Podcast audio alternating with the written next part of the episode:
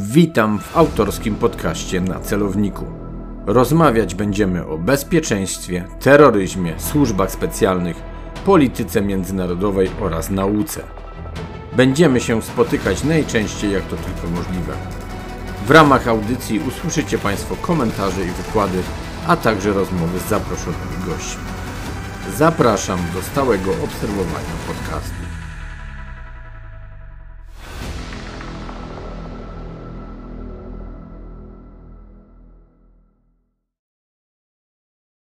Przy mikrofonie Artur Dubiel, Wyższa Szkoła Bankowa.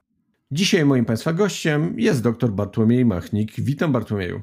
Witam serdecznie, dzień dobry wszystkim.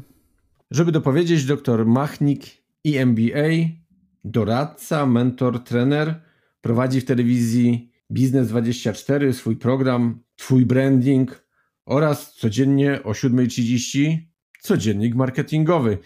Bartek, zawodowo wyszedłeś tak naprawdę od tematów związanych też trochę z politologią, a właściwie naukowo i z mediami społecznościowymi, a dzisiaj poszedłeś już w stronę trochę inną, tak to co zawsze swoim studentom powtarzam, zdecydowanie węziej, a głębiej.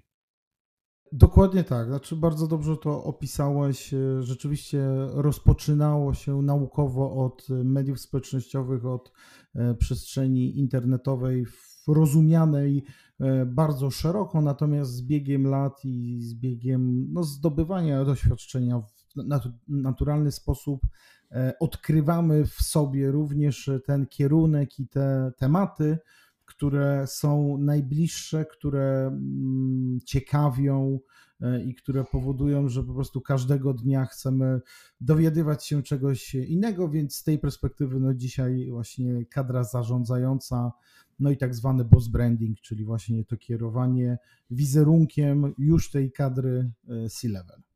Uprzedziłeś co nieco, bo chciałem zapowiedzieć, o czym tak naprawdę będzie dzisiejsza rozmowa.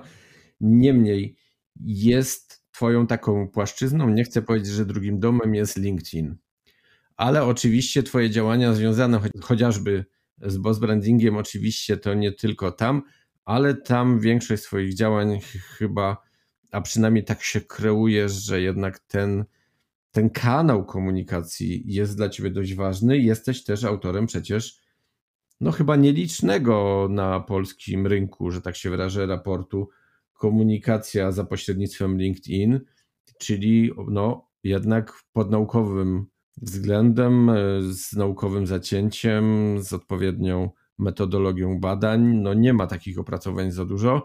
Z tego, co mi tutaj niektórzy donoszą, szykuje się już nowy nawet raport. No tak, to, to po kolei może rzeczywiście, e, jeżeli myślimy o LinkedInie pod kątem dru drugiego domu, pamiętając o tym, że każdego dnia rano i, i przed snem loguję się w serwisie i czytam i analizuję też, co, co robi e, no między innymi kadra zarządzająca, to rzeczywiście tak, no w jakiś sposób ten drugi dom, drugi dom jest. Natomiast e, co do badania, to rzeczywiście e, na polskim rynku można znaleźć sporą ilość badań, które obejmują przede wszystkim zagadnienia stricte statystyczne, czyli ile mamy kont, ile profili firmowych, ile profili prywatnych, jaka jest częstotliwość zamieszczanych postów, kiedy i tym podobne. Natomiast brakuje badań stricte jakościowych, czyli jak ta komunikacja wygląda nie pod kątem ilości, ale jakości, czyli co publikujemy, jaką tematykę publikujemy, z jakim natężeniem emocjonalnym, na co zwracamy uwagę mm, i wiele, wiele innych takich elementów, e, które w moim przekonaniu więcej są w stanie nam dać pod kątem e, badania, analizy i wyznaczania pewnych trendów niż e, no, po prostu zmieniające się liczby z, z roku na rok ponieważ no, w naturalny sposób, z dużym prawdopodobieństwem możemy zawsze e, sobie mm, powiedzieć, że no, te liczby wzrosną, no bo zainteresowanie też tym serwisem wzrasta, więc e, no, z mojej perspektywy jest to dobry początek, dobre badania, żeby rozpocząć. Natomiast w moim przekonaniu dzisiaj, szczególnie jeżeli jeszcze mówimy o całym aspekcie związanym z budowaniem wizerunku, z prowadzeniem tej komunikacji, chociażby no, na LinkedInie, to potrzebna jest ta jakościowa warstwa i rzeczywiście to badanie, które ja wykonałem, zawiera właśnie te, te elementy, natomiast teraz jestem w trakcie kontynuacji niejako tego badania i nieskromnie mówiąc, jeżeli to badanie e, wyjdzie, jeżeli ono e, zostanie zrealizowane, no to chyba będzie rzeczywiście jedyne na rynku. Bardzo się cieszę trzymam kciuki. Bartłomiej, zanim przejdziemy do naszych właściwych zagadnień, bo będziemy dzisiaj tak naprawdę to wszystko, o czym mówisz, przekładać na świat bezpieczeństwa, na ten świat mundurowy. Dobrze 20 odcinków temu moim gościem była Sylwia Kuligowska w odcinku pod tytułem Mundurowe Public Relation i, i media społecznościowe. I, I też y, wiele ciekawych, wydaje mi się, wątków udało nam się poruszyć, i myślę, że dzisiaj będzie podobnie, ale zanim tak naprawdę przejdziemy do tych naszych właściwych rozważań, to powiedz mi, czy Twoim zdaniem to, co się dzieje na przykład dzisiaj też z Twitterem, też się przekłada na to, że ludzie chętniej jednak patrzą w stronę LinkedIn, bo jak się okazuje, to nie tylko kadra zarządzająca czy wyższego szczebla tam się kieruje, ale tak naprawdę dzisiaj każdy, kto w sposób świadomy próbuje kierować swoją karierą, również w służbach, właśnie świadomie ten profil, profil nie tylko jako tą wizytówkę, tylko jako całość tych działań, świadomie ten profil stara się prowadzić, być konsekwentnym, a przynajmniej ci, którzy w ten sposób to robią, mają szansę kiedyś pokazać, że robią rzeczy, no mówiąc dość kolokwialnie, dobrze. Ty poruszyłeś dwa tematy odrębne, ale warto o nich e, wspomnieć. Jeżeli chodzi o Twittera, no, zarówno ty, jak i ja no, mamy pewien sentyment e, do Twittera, ponieważ no, nie wiem, czy nie będzie przesadą, ale no jednym z miejsc, gdzie się spotkaliśmy i poznaliśmy się, no to był między innymi właśnie Twitter te kilka dobrych lat temu, więc y, ta warstwa sentymentalna na pewno jest i, i nie ma co tutaj ukrywać. Natomiast no rzeczywiście nie wiem, czy to, co powiem, to nie są za duże słowa, ale chyba widzimy schyłek Twittera takiego, jakim my go i rozumiemy, i interpretujemy, i jaki widzimy, ponieważ ostatnie i decyzje związane ze, ze zmianą właściciela, mówimy tu o Ilonie Masku, który no, zrobił swoje porządki i, i, robi swoje porządki, które, które również wpływają na cały serwis, ale też ja nie zwalałbym tutaj wszystkiego na Maska, ponieważ zmieniła się trochę infrastruktura, trochę krajobraz związany z mediami społecznościowymi, ponieważ no, Twitter e, od e, zawsze był interpretowany z perspektywy takiego idealnego narzędzia dla dziennikarzy, dla polityków, którzy mogli szybko poinformować o otoczenie, a w praktyce no, polityków, którzy byli przedstawicielami mediów właśnie na, w tym serwisie, o swoich decyzjach, o swoich informacjach, które chcieli, żeby no, szersza grupa odbiorców no, poznała tutaj nawiązania chociażby do PR-u. I to przez jakiś czas funkcjonowało. Twitter był naprawdę bardzo popularny, bardzo cenionym, wręcz powiedziałbym opiniotwórczym również serwisem społecznościowym. Oczywiście dla wybranych grup e, społecznych. Natomiast teraz widzimy powolny zmierzch właśnie słowa pisanego, a Twitter no, przede wszystkim tutaj charakteryzuje się właśnie tym słowem pisanym, więc oglądamy pewien zmierzch w kierunku i podążanie w kierunku obrazu, w kierunku e, krótkich treści, e, które nie wymagają dłuższej ilości czasu, jeżeli chodzi o analizę. Oczywiście tutaj między innymi no, nawiązuje do TikToka, do do innych również serwisów społecznościowych, do Instagrama, który również, co tu dużo mówić, no kopiuje bardzo często TikToka, jeżeli chodzi o pewne opcje. Natomiast również, co ciekawe, świat polityki przechodzi właśnie do TikToka czy na inne serwisy społecznościowe. Politycy w jakiś sposób również zmieniają to, trochę swoje miejsce, e, co powoduje, że no Twitter staje się właśnie takim, a nie, a nie innym miejscem, które trochę już e, jest interpretowane z perspektywy pewnej tradycji i historii niż takich trendów, które są obecne, no chociażby czy to na TikToku, czy na, czy na Instagramie. To są takie dwa serwisy, które dzisiaj rzeczywiście z perspektywy e, budowania tego wizerunku są istotne, bo Facebook to jest e, swoje miejsce i zawsze tak podejrzewam będzie. Natomiast jeżeli chodzi już teraz o LinkedIna i o to, co powiedziałeś, no to rzeczywiście widzimy systematyczny wzrost zainteresowania LinkedInem. W żadnym wypadku nie możemy powiedzieć, że w Polsce LinkedIn jest dojrzały, użytkownicy są w cudzysłowie dojrzali. My jesteśmy, my mówię teraz o Polsce, o polskich użytkownikach no LinkedIna, jesteśmy na etapie wznoszącym. My dopiero uczymy się tak naprawdę tego serwisu. Dlatego też tak duża ilość ekspertów czy osób, które zajmują się między innymi tym serwisem. I co ważne, i pewnie to też będzie bardzo istotne, co powiem z perspektywy naszej dzisiejszej rozmowy, widzimy systematyczne powiększanie się liczby zawodów, profesji i obszarów e, zawodowych, które pojawiają się na LinkedInie. Dzisiaj już nie mówimy tylko i wyłącznie o tym, że LinkedIn jest e, portalem biznesowym. Jeżeli ktoś mówi, że mm, no jest to serwis biznesowy, no to automatycznie my w jakiś sposób już interpretujemy sobie treści, jakie tam są, albo również inne, inne materiały, które się pojawiają. Ale to jest kwestia chyba Bartłomiej jednak złej interpretacji serwisu, bo dla mnie jest to serwis dla zawodowców, dla profesjonalistów, którzy budują swój wizerunek, chcą się podzielić swoimi opiniami, wejść w interakcję, być może pozyskać nowe, nowe kontakty czy znajomości, które teraz bądź za chwilę zaprocentują. Zgadza się, zgadza się i to jest prawidłowe interpretowanie tego serwisu. Natomiast uwierz mi, że jest duża część osób, która interpretuje ten serwis z perspektywy sprzedażowej. Niestety wierzę. Chcę zrobić jakiś biznes, czyli innymi słowy, no, loguję się na LinkedInie, ponieważ chcę znaleźć swojego odbiorcę, y, ale nie odbiorcę pod kątem treści, wartości i innych elementów, które budują tego, tę, tą eksperckość, ale chcę znaleźć swojego odbiorcę, któremu chcę coś sprzedać.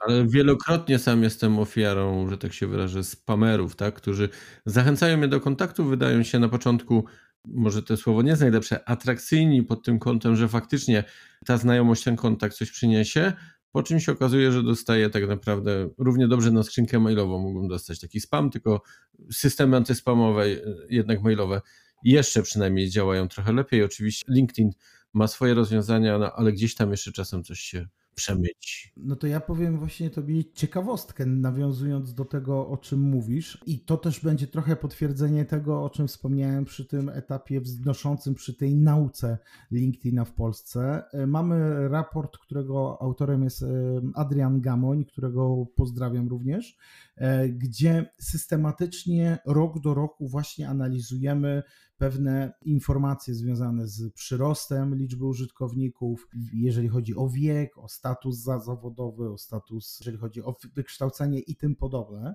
I okazuje się na podstawie ostatnich badań z 2022 roku, e, okazuje się, że najliczniejszą grupą użytkowników, którzy mają w Polsce założone konto, są tak zwani niedoświadczeni pracownicy.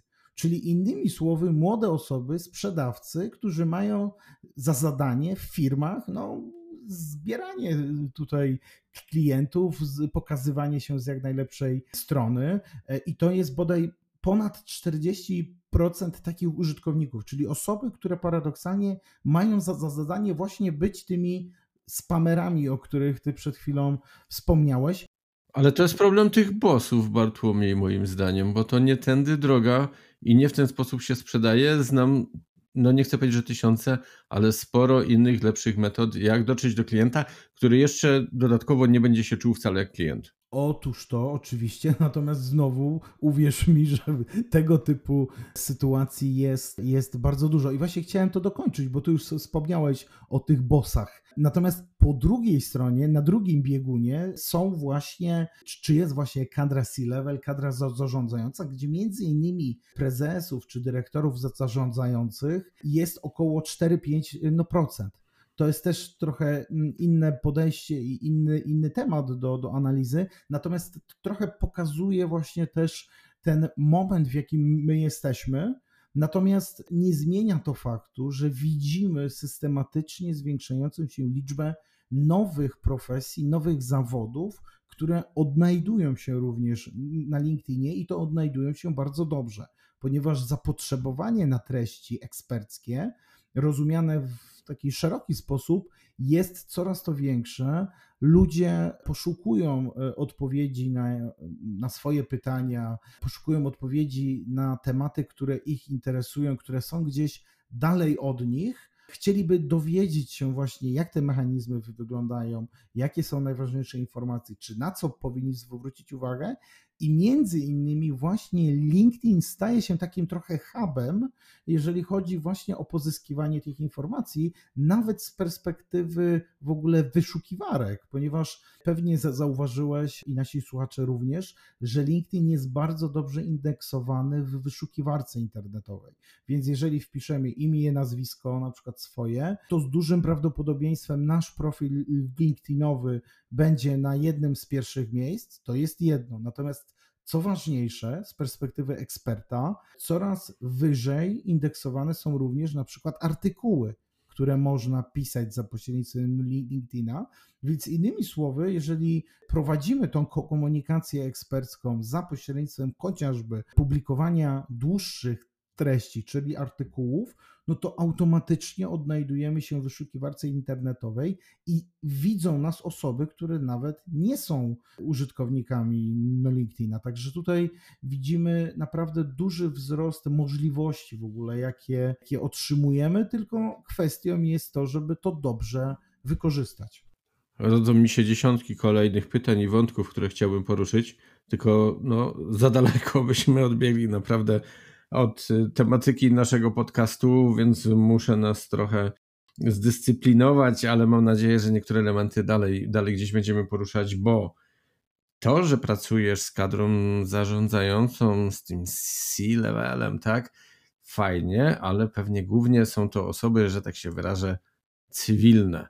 Aczkolwiek być może masz też osoby, którym doradzasz, które też w służbach gdzieś pracują i może nawet niekoniecznie ani ty, ani tamte osoby chciałyby o tym e, powiedzieć, aczkolwiek chwała za to, że ewentualnie chcą, chcą się same też rozwijać. No bo jakby nie patrzeć, tu mówimy o kadrze zarządzającej, tam będziemy mówić o kadrze dowódczej, tak? Teoretycznie to samo, ale wcale nie do końca. Niemniej pewnie, czy chcesz, czy nie, robiąc najróżniejsze badania, widząc pewne aspekty, trendy, procesy, zauważasz na pewno właśnie też te osoby i instytucje przy okazji, które jakby nie patrzeć funkcjonują w systemie bezpieczeństwa narodowego. Bo mówimy, tak jak powiedziałem, i o służbach, i o pewnego rodzaju ministerstwach, całych resortach. No, pojawiają się potem też oczywiście i mankamenty, o których też dzisiaj chciałbym wspomnieć, bo widać, że nie wszyscy do końca chyba posiadają te kwalifikacje i kompetencje. Ja bardzo ubolewam, jak często nierozumiane jest w ogóle słowo strategia, słowo tobie akurat bliskie, strategia komunikacyjna, czym ona się będzie różniła też od czegoś na odwrót ustawionego, czyli od komunikacji strategicznej. Nie mogę się nadziwić, kiedy czytając jakiekolwiek oświadczenie wydane przez jakąś instytucję, nikt się pod tym nie podpisuje, ani szef, komendant, dowódca, minister, ktokolwiek. Co najwyżej na końcu się pojawia zespół prasowy, no i wtedy z tej swojej łysej głowy drewo osy, bo nie mogę pojąć, jak, jak tak być może ale mamy też bardzo wiele pozytywnych aspektów, gdzie te wszystkie instytucje i służby potrafią się odnaleźć, bo przecież to wszystko, ten tworzenie tego przekazu, oczywiście tego pożądanego, nie zawsze do końca prawdziwego, umówmy się, ale jednak będzie też elementem prowadzonych operacji informacyjnych i operacji psychologicznych, które to takie pojęcia, które dzisiaj już trochę więcej ludziom mówią. Jakiś czas temu, kiedy w różnych gremiach i przy różnych okolicznościach na ten temat rozmawialiśmy, to tak niektórzy z politowaniem trochę na nas patrzyli i dzisiaj słowa zaczynają być trochę modne, czy te pojęcia zaczynają być trochę modne, tak jak kiedyś było z łańcuchem dostaw, tak? No dopiero gdzieś kolejna faza tak naprawdę wojny w Ukrainie to wszystko pokazała. Czy podsumowując trochę przydługawe pytanie, czy tą, tą moją wymianę myśli z tobą, to też patrzysz pod tym kątem właśnie tych organizacji stojących na straży naszego bezpieczeństwa, czy, czy jedynie tak przy okazji widzisz pewne, zazwyczaj jak już to mankamenty?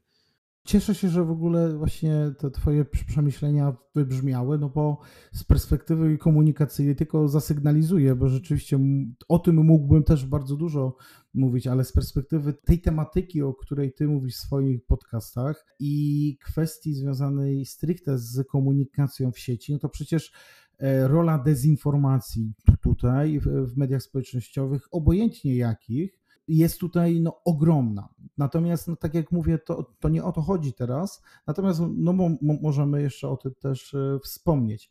Jeżeli chodzi o kadrę zarządzającą, to ja rzeczywiście bezpośrednio nie współpracuję z takimi osobami, natomiast y, znam osoby, które śledzę, czy które y, wiem, że no właśnie należą do tej elitarnej grupy, jeżeli mogę tak określić właśnie tą kadrę, czy to dowódczą, czy osoby związane ze, ze służbami szeroko pojętymi, które również odnajdują się w mediach społecznościowych, w tym na LinkedInie, no bo ja zdaję sobie sprawę, że zasadnicza różnica, jaka jest między szefami w cudzysłowie cywilnymi, a szefami właśnie w służbach no, mundurowych, czy, czy w innego rodzaju służbach, jest między innymi taka, no, że nie wszystko można napisać. Tutaj ta e, tajemnica obowiązuje e, w określonym oczywiście no, kontekście i nie wszystko i nie wypada i nie można napisać. Natomiast ja uważam osobiście, że e, media społecznościowe, LinkedIn również jest idealnym miejscem do tego, aby edukować, aby przekazywać E, pewną wiedzę właśnie z tego obszaru, czy to wojskowości, czy to obronności, czy to kwestii e, związanych właśnie z agencjami wywiadowczymi, czy, czy z sytuacjami, jakie tam są, ponieważ pamiętajmy o tym, że odbiorcy, że w cudzysłowie zwykły Kowalski, czy dla zwykłego Kowalskiego, właśnie ta tematyka jest potencjalnie bardzo interesująca, ponieważ ona jest daleko od niego, ona jest niedostępna dla niego, on nie ma tej świadomości do, do końca, jak to wygląda. Ciekawi go to, no bo dzisiaj tematyka e, związana z wojskiem, z obronnością i tym podobne, no chociażby z perspektywy wojny, jaka toczy się za naszą no, granicą, no to znacznie wzrosła. No jeszcze kilka lat temu, no to chyba tylko ty wiedziałeś, czym są Abramsy i wszystkie inne tego. No nie, tylko ja, nie przesadzajmy. Wiem, do czego zmierzasz. Wiem. Ja na przykład nie, nie, nie, wiedziałem, że są Abramsy, wy, wyrzutnie dalekosiężne, etc. Natomiast teraz to już gdzieś wpadło w tą debatę publiczną, co nie zmienia faktu, że to jest dalej niewystarczająca wiedza e, ponieważ ona w pewnym momencie no, już wchodzi na wyższy poziom związany stricte z wiedzą specjalistyczną co nie zmienia oczywiście faktu, że ten zwykły Kowalski nadal chce wiedzieć o tym. Więc właśnie w tym momencie rolą osób, które działają w tym obszarze jest właśnie pojawienie się w konkretnym środowisku internetowym, w konkretnym medium społecznościowym. I zaplanowanie właśnie to, co ty też powiedziałeś z perspektywy strategii wizerunkowej czy strategii informacyjnej, zaplanowanie swojej obecności, swojej aktywności w taki sposób, aby z jednej strony w oczywisty sposób budować swoją markę osobistą i, i budować swoją reputację i kompetencje mm, eksperckie, ale z drugiej strony właśnie zaspokajać te potrzeby informacyjne, znowu tu przy, przytoczę tego zwykłego Kowalskiego, który oczekuje tego i który na pewno również w cudzysłowie wynagrodzi tej, tej osobie tym, że na przykład e, będzie w cudzysłowie lojalny wobec tej osoby, czyli innymi słowy,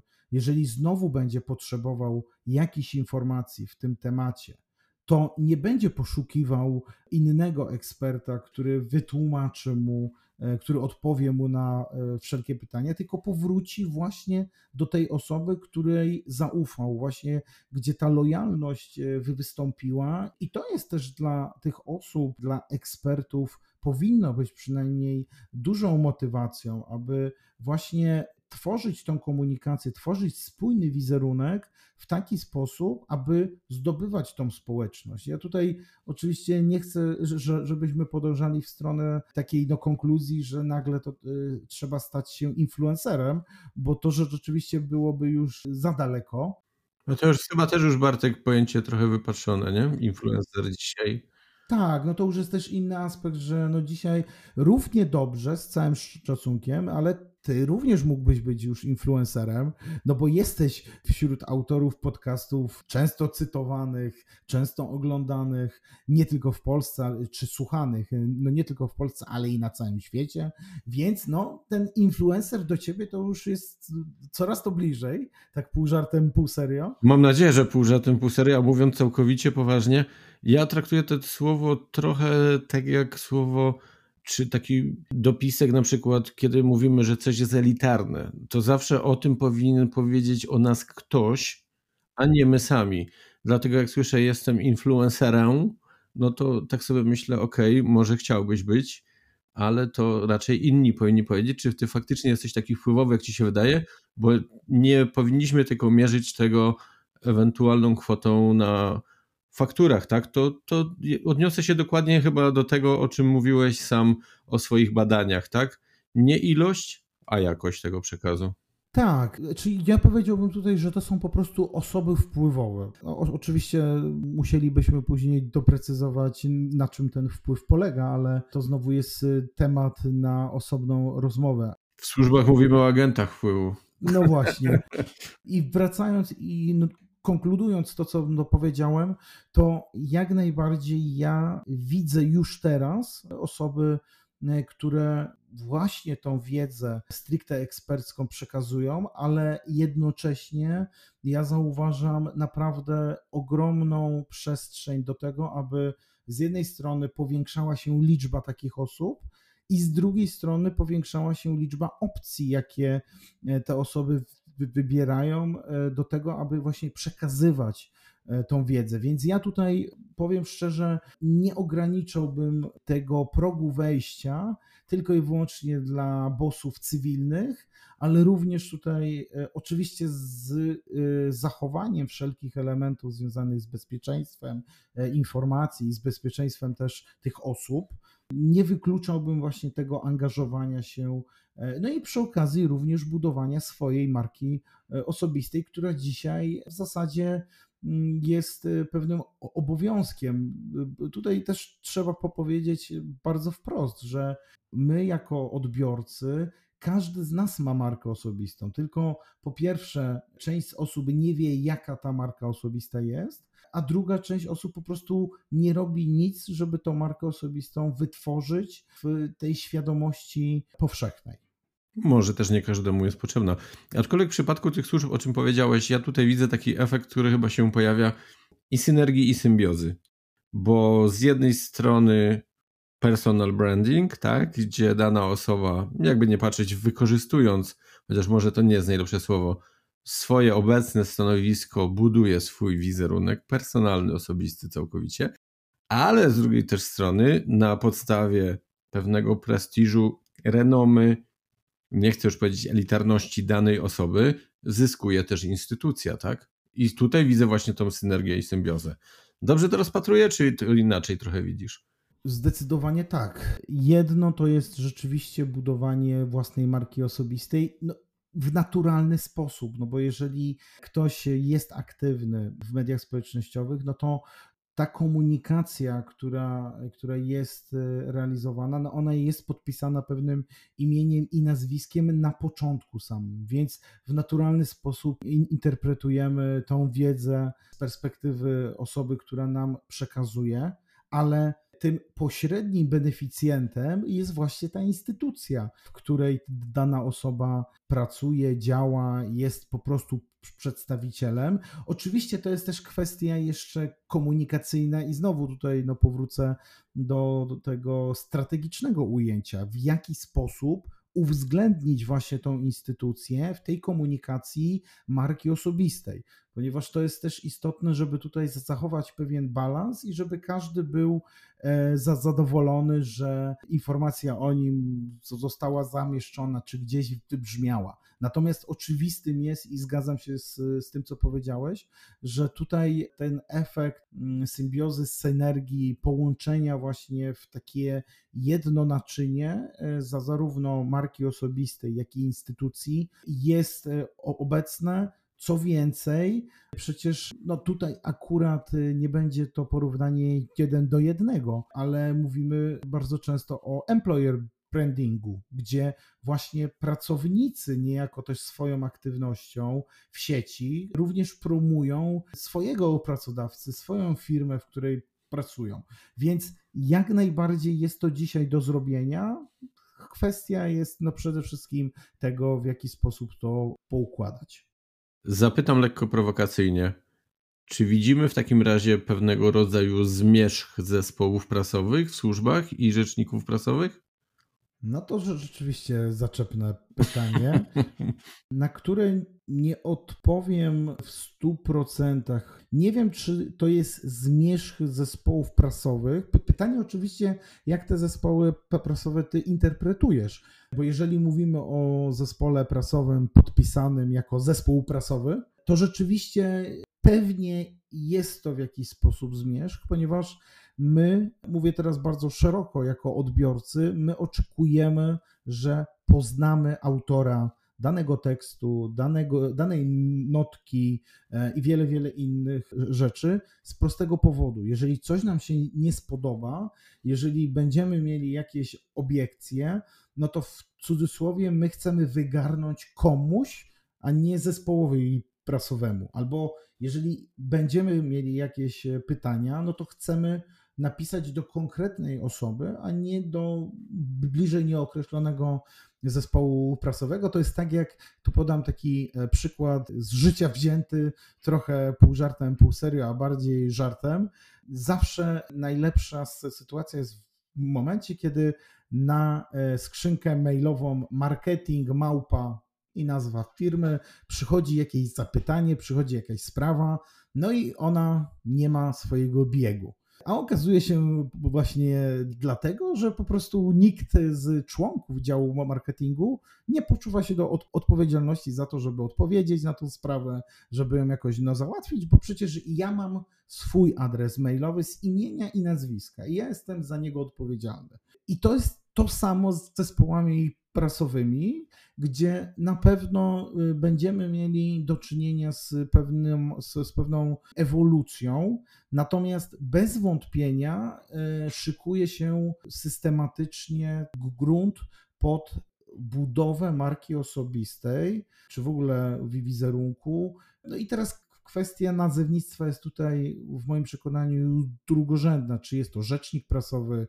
czy oficer prasowy, czy przedstawiciel, czy, czy ktokolwiek inny, czyli osoba, która swoją twarzą firmuje właśnie komunikaty, firmuje informacje, które gdzieś są przekazywane, gdzieś mówię o tej przestrzeni publicznej. I to jest teraz istotne, no bo my chcemy widzieć twarz instytucji. My chcemy y, wiedzieć, że te słowa, które padają, padają z, z czyichś ust, to jest jedno. Natomiast, tak jak ja wspomniałem, no, odbiorcy w naturalny sposób, kiedy usłyszą, y, kiedy przeczytają jakąś informację, no to mogą pojawić się pytania, mogą pojawić się wątpliwości.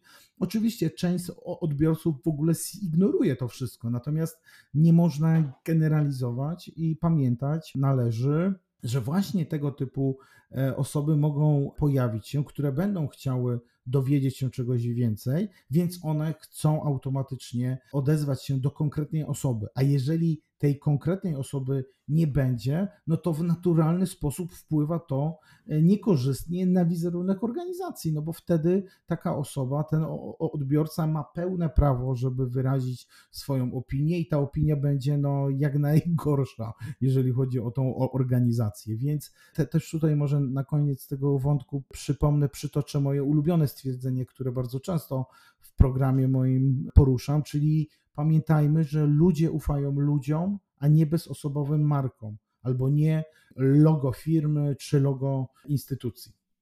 Nie sposób się nie zgodzić. Sam powiem szczerze, też bardzo nie lubię, kiedy przyjdzie czy pismo, czy mail i właśnie nie ma podpisu z imienia i nazwiska. Ja nie czuję się poważnie traktowany. Dwa, zastanawiam się, czy ktoś się bał podpisać pod tym, tak? Czyli czy to, to co zostało napisane, no, czy gdzie leży to, a gdzie leży prawda, trochę, trochę też żartując.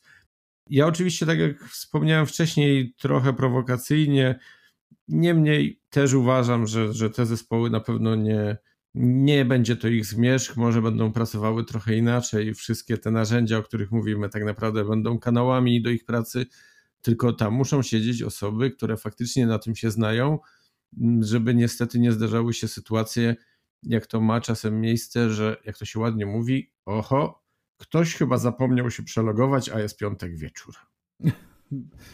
Zgadza się. Znaczy, ja powiedziałbym, odnosząc się do tego, co powiedziałeś o tej, o tej Twojej diagnozie, to zgadzam się z tym, że dzisiaj ta profesjonalizacja szeroko pojęta, czy to zespołów prasowych, czy innych obszarów związanych z funkcjonowaniem instytucji, będzie polegać bardziej na tym, że pojawią się osoby wyspecjalizowane, które wiedzą, w jaki sposób poszukiwać informacji, jak obserwować, jak znajdywać te odpowiednie trendy, które są związane z określoną dziedziną, będą posiadały umiejętności, w cudzysłowie obróbki informacji w taki sposób, aby była ona zrozumiała, żeby zachowywało to clue wypowiedzi i clue te, które ma zostać przekazane właśnie odbiorcom. Więc bardziej tutaj ja widziałbym korekty pod kątem tego, kto będzie tam pracował i jak tam będzie pracował.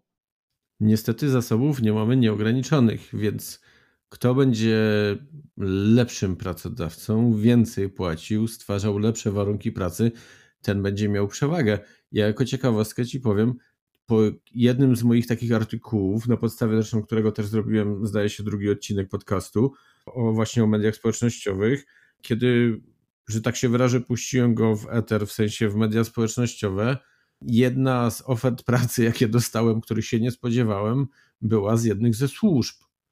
Więc wydaje się, że naprawdę warto świadomie i dobrze budować swój ekspercki wizerunek, zwłaszcza w służbach, no bo przecież w służbach reprezentuje się państwo, działa się, a przynajmniej się powinno według ustanowionego prawa i w jego zakresie, no to obywatel oczekuje, że ta osoba, która być może może podjąć pewną interwencję w stosunku do niego, będzie wysoce kompetentna. Więc okazywanie jakiejkolwiek niekompetencji niestety oddziaływuje negatywnie, o czym w sumie mówimy przez całą rozmowę, również na wizerunek naszego pracodawcy, w tym przypadku danej służby, agencji, podmiotu, ministerstwa, zwałek zwał.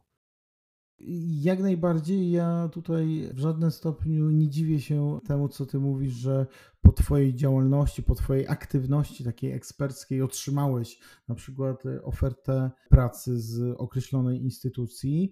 No bo chyba nikt nie jest w stanie pomyśleć, że organizacja chce mieć złych pracowników. Każda z organizacji chce mieć jak najlepszych jak najbardziej wykwalifikowanych. Oczywiście kwestia finansowa to, to jedno, natomiast ze zasady chcemy mieć e, na swoim pokładzie osoby, które znają się na swoim e, fachu, więc no chociażby z tego powodu budowanie tego eksperckiego wizerunku w sieci chociażby na LinkedInie jest potrzebne z perspektywy korzyści tej osoby. Natomiast w tym miejscu należy podkreślić, i gdybyśmy naszą rozmowę jeszcze pisali i byłaby transkrypcja pisemna, to w tym momencie trzeba byłoby to pogrubić. To znaczy, na to potrzebny jest czas. Znaczy marki osobistej, wizerunku, tych w cudzysłowie benefitów nie otrzymamy y, po tygodniu, po miesiącu, a może nawet i po dwóch miesiącach, czy nawet pół roku. Cierpliwość i konsekwencja. Statystycznie, e, oczywiście markę osobistą czy wizerunek buduje się cały czas, ale statystycznie e, jest potrzebny około rok na to, aby rzeczywiście realnie można było powiedzieć, że podążamy w którymś kierunku, że odbiorcy E, że ta rozpoznawalność, świadomość w ogóle o obecności takiej, a nie innej osoby funkcjonuje, która później przekłada się właśnie na takie oferty stricte zawodowe, stricte biznesowe, ale do tego jest potrzebny czas. Nigdy nie zbudujemy profesjonalnej marki osobistej w przeciągu paru miesięcy. Co więcej, miałem do czynienia raz z takim przypadkiem, gdzie osoba po roku gdzie rzeczywiście ta, ten, ten rok był bardzo dobrze przepracowany, bardzo sumiennie, gdzie ten skok wizerunkowy był naprawdę widoczny przez wszystkich. Po roku ta osoba stwierdziła, to akurat nie był no, no mój klient, tylko klient od e, znajomej. Stwierdził, że on już e, zbudował swoją markę osobistą, zbudował swój wizerunek i on nie potrzebuje już w sumie tam żadnej pomocy ani żadnych działań. On już ma markę osobistą zbudowaną no to, to jest też takie działanie, które no, prowadzi tylko i wyłącznie w jednym kierunku. Dlatego pamiętajmy, że po pierwsze, budowanie wizerunku to jest dłuższa perspektywa czasowa i przede wszystkim jest to pewna konsekwencja i długoterminowość. Czyli wracamy w sumie do aspektów związanych ze strategią, ale to tak jak powiedziałeś, i konsekwencja, i cierpliwość, oczekiwania na efekty, które nie przyjdą od razu, ale z drugiej strony, no chyba może się okazać, że, albo pewnie się okazało, że ten klient w sumie nie miał do końca chyba świadomości i chyba nie do końca dobrze może początek współpracy gdzieś tam przepracowano, ale nie chciałbym uciekać od tematów związanych z bezpieczeństwem. Jedynie co chciałbym jeszcze dodać, to to, że tutaj to budowanie marki, również w przypadku podmiotów czy osób związanych z bezpieczeństwem, Trochę bym porównał do pewnych warunków związanych z definiowaniem bezpieczeństwa, że jest to zarówno i stan, i proces. Teoretycznie jedno nie może być drugim, a jednak tak jest, czyli dochodzimy do pewnego poziomu i co najmniej go utrzymujemy, jeśli nawet nie idziemy z nim dalej, bo jego osiągnięcie nic nam nie daje i na pewno za chwilę będziemy pikowali.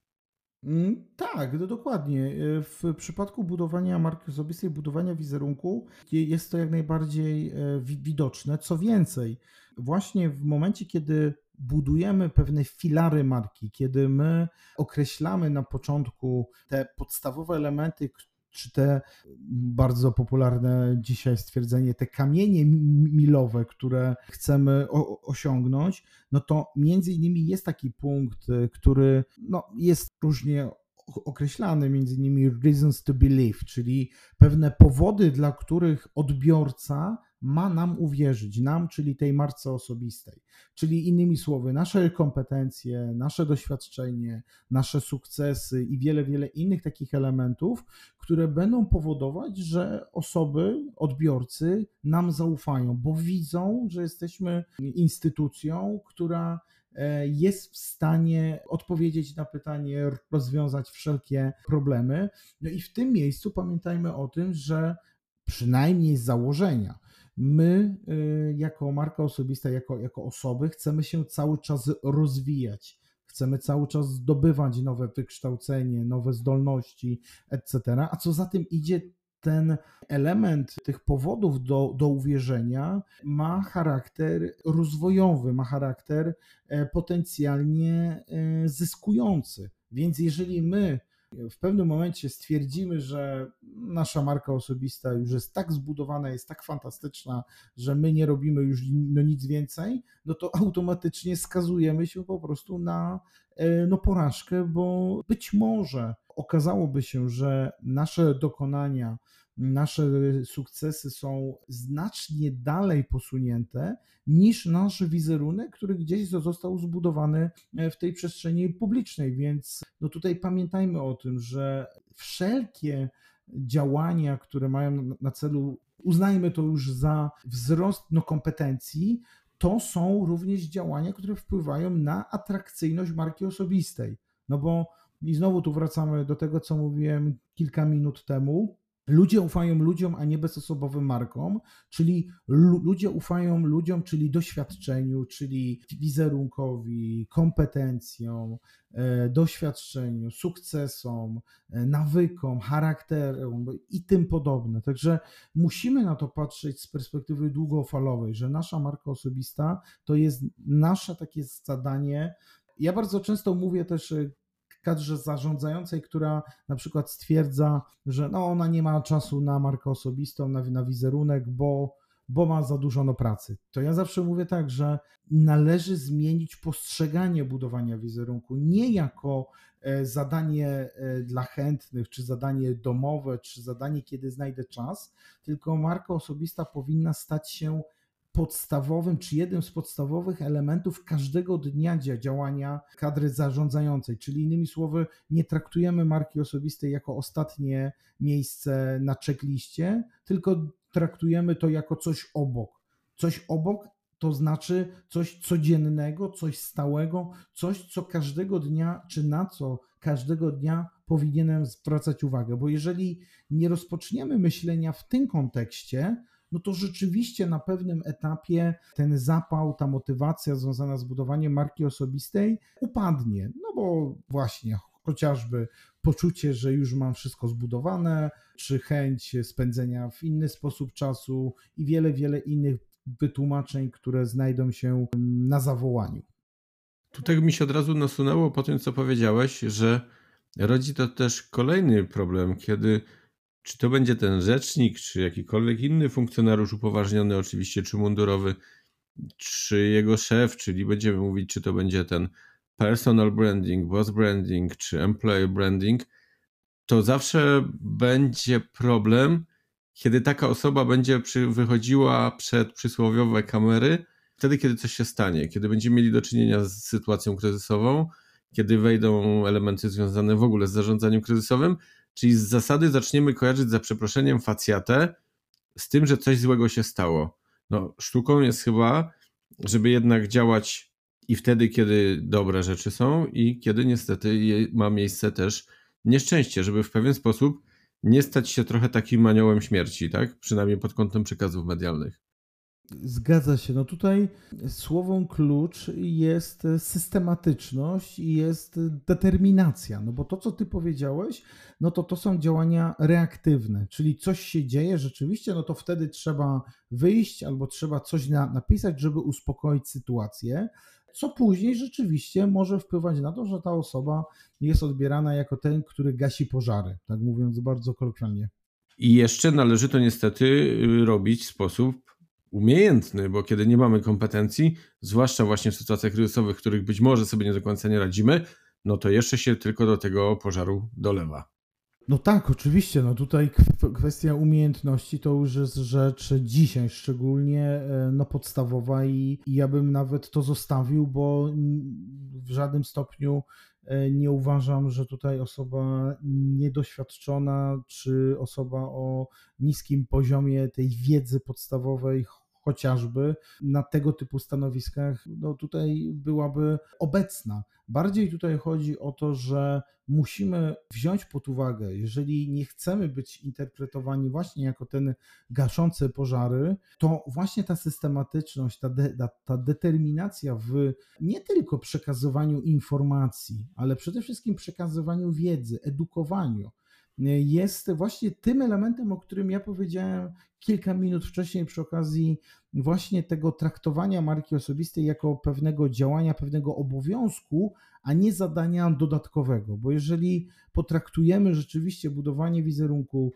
z perspektywy pewnego obowiązku, jakkolwiek to brzmi, no to właśnie takie działania komunikacyjne, edukujące będą dla takiej osoby, a co za tym idzie dla danej instytucji e, znacznie lepsze, bo nie będziemy tylko i wyłącznie jej interpretować z perspektywy tej instytucji czy tych osób, które wychodzą w momencie, kiedy no, pojawia się temat związany z kompetencjami właśnie tych, e, tych instytucji. Dzisiaj powoli tego typu sytuacje idą w niepamięć, czy powinny iść w niepamięć, i coraz to więcej instytucji rzeczywiście tworzy no, bardziej lub mniej umiejętnie właśnie ten wizerunek, tą, tą komunikację taką profesjonalną, edukującą za pośrednictwem chociażby konkretnych osób związanych czy to z działem marketingu, czy z no, kadrą właśnie wyższego szczebla, czy tą i kadrą no, najwyższą to jest taki, taki element, który powoli, powoli, ale, ale jest zauważany. To żebyśmy też za smutno nie kończyli, to tak, żeby mały taki haczyk, albo no, przepraszam, nie haczyk, marchewkę małą rzucić. Wiele osób, które dzisiaj jest w służbach, nieważne czy na końcu, czy na początku swojej kariery, ja zawsze zachęcam, że już powinny się zainteresować, co zrobią, kiedy ten mundur odwieszą. Wiele osób tak naprawdę do tego kroku się nie przygotowuje i w momencie przejścia na emeryturę jest dość bolesne często zderzenie z rzeczywistością. I dlatego ja wtedy też zachęcam w tym zakresie, w którym oczywiście te osoby mogą w pewien sposób się upubliczniać, ale jednak do budowania swoich kompetencji, ale właśnie też do budowania tegoż wizerunku. Zgadzam się. No to jest w ogóle fenomenalna rzecz, o której ty teraz powiedziałeś. To znaczy, rzeczywiście zaplanowanie swojej kariery, ale kariery rozumianej nie tylko z perspektywy tych lat służby, właśnie kiedy nosimy ten mundur, ale kariery, która no, ma pewien charakter no, ciągły. No, to znaczy, my, my, czy osoby, które działają w służbach po odwieszeniu tego munduru, stają się albo A mają dwa wybory tak naprawdę. Albo A, stają się jednymi z nas i mają problem potencjalny ze znalezieniem pracy, albo B, stają się ekspertami, którzy przechodzą automatycznie na uczelnie, do instytutów badawczych, do organizacji w formie na przykład właśnie czy to rzecznika, czy to doradcy, etc. Czyli innymi słowy, ich przyszły pracodawca zauważył w ich działalności, ale nie tylko tej wojskowej, ale tej działalności, która wychodziła poza, poza te swoje obowiązki e, i służbę, pewne elementy, które interpretują później tą osobę z perspektywy jej eksperckości, jej umiejętności i tym podobne. Więc no, jak najbardziej to jest rzecz, którą powinniśmy wziąć pod uwagę, czy te osoby, które działają w służbach, powinny wziąć pod uwagę, no chociażby z tego powodu, że po zakończeniu służby no, mamy te, te dwa wybory. Albo poszukujemy pracę e, na rynku i nie wiadomo, gdzie ją znajdziemy, e, albo z drugiej strony przygotowujemy się przez te lata służby na to, że następnego dnia zapuka do, do tej osoby rektor uczelni czy szef jakiegoś instytutu badawczego, czy to w Polsce, czy za granicą, i zaoferuje pracę, ponieważ powie, Pana do, doświadczenie i Pana wiedza, którą Pan przekazywał, jest na tyle duża, że ja chcę mieć Pana u siebie albo ja chciałbym, żeby Pan reprezentował nas na forum i pisał o tym, o czym Pan pisał za czasów e, służby, albo co Pan mówił. Także no to jest w ogóle fenomenalna rzecz, e, o, o, którą powiedziałeś i w zasadzie wyręczyłeś mnie, jeżeli chodzi o, o tutaj argumentowanie, e, czy warto. No warto chociażby z tego powodu, o którym Ty powiedziałeś. W kilku odcinkach się już pojawiały takie wątki, troszeczkę zaniedbaliśmy ten temat.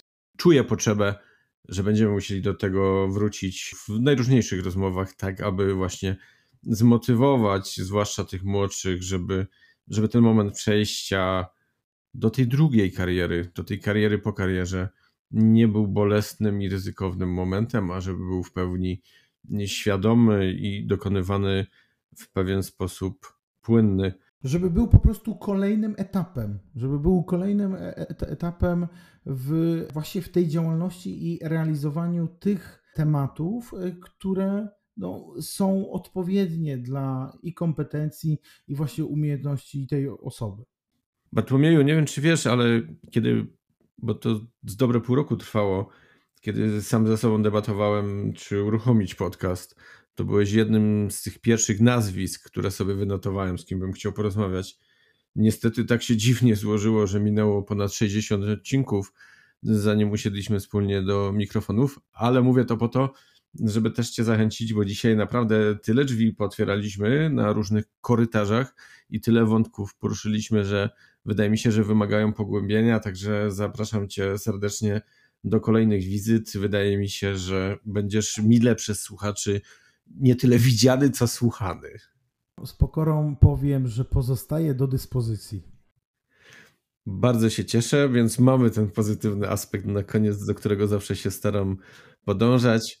Dzisiaj moim Państwa gościem był dr Bartłomiej Machnik i MBA. Dziękuję Bartek serdecznie. Dziękuję serdecznie, do usłyszenia. Bywajcie zdrowi, bywajcie bezpieczni. Kieruj się w stronę podcastu na celowniku. Wszystkie odcinki podcastu na celowniku dostępne są w platformach podcastowych Spotify, Apple Podcast, Google Podcast, Anchor, a także w serwisie YouTube. Zapraszam również do wspierania podcastu na celowniku w portalu Patronite pod adresem patronite.pl ukośnik na celowniku.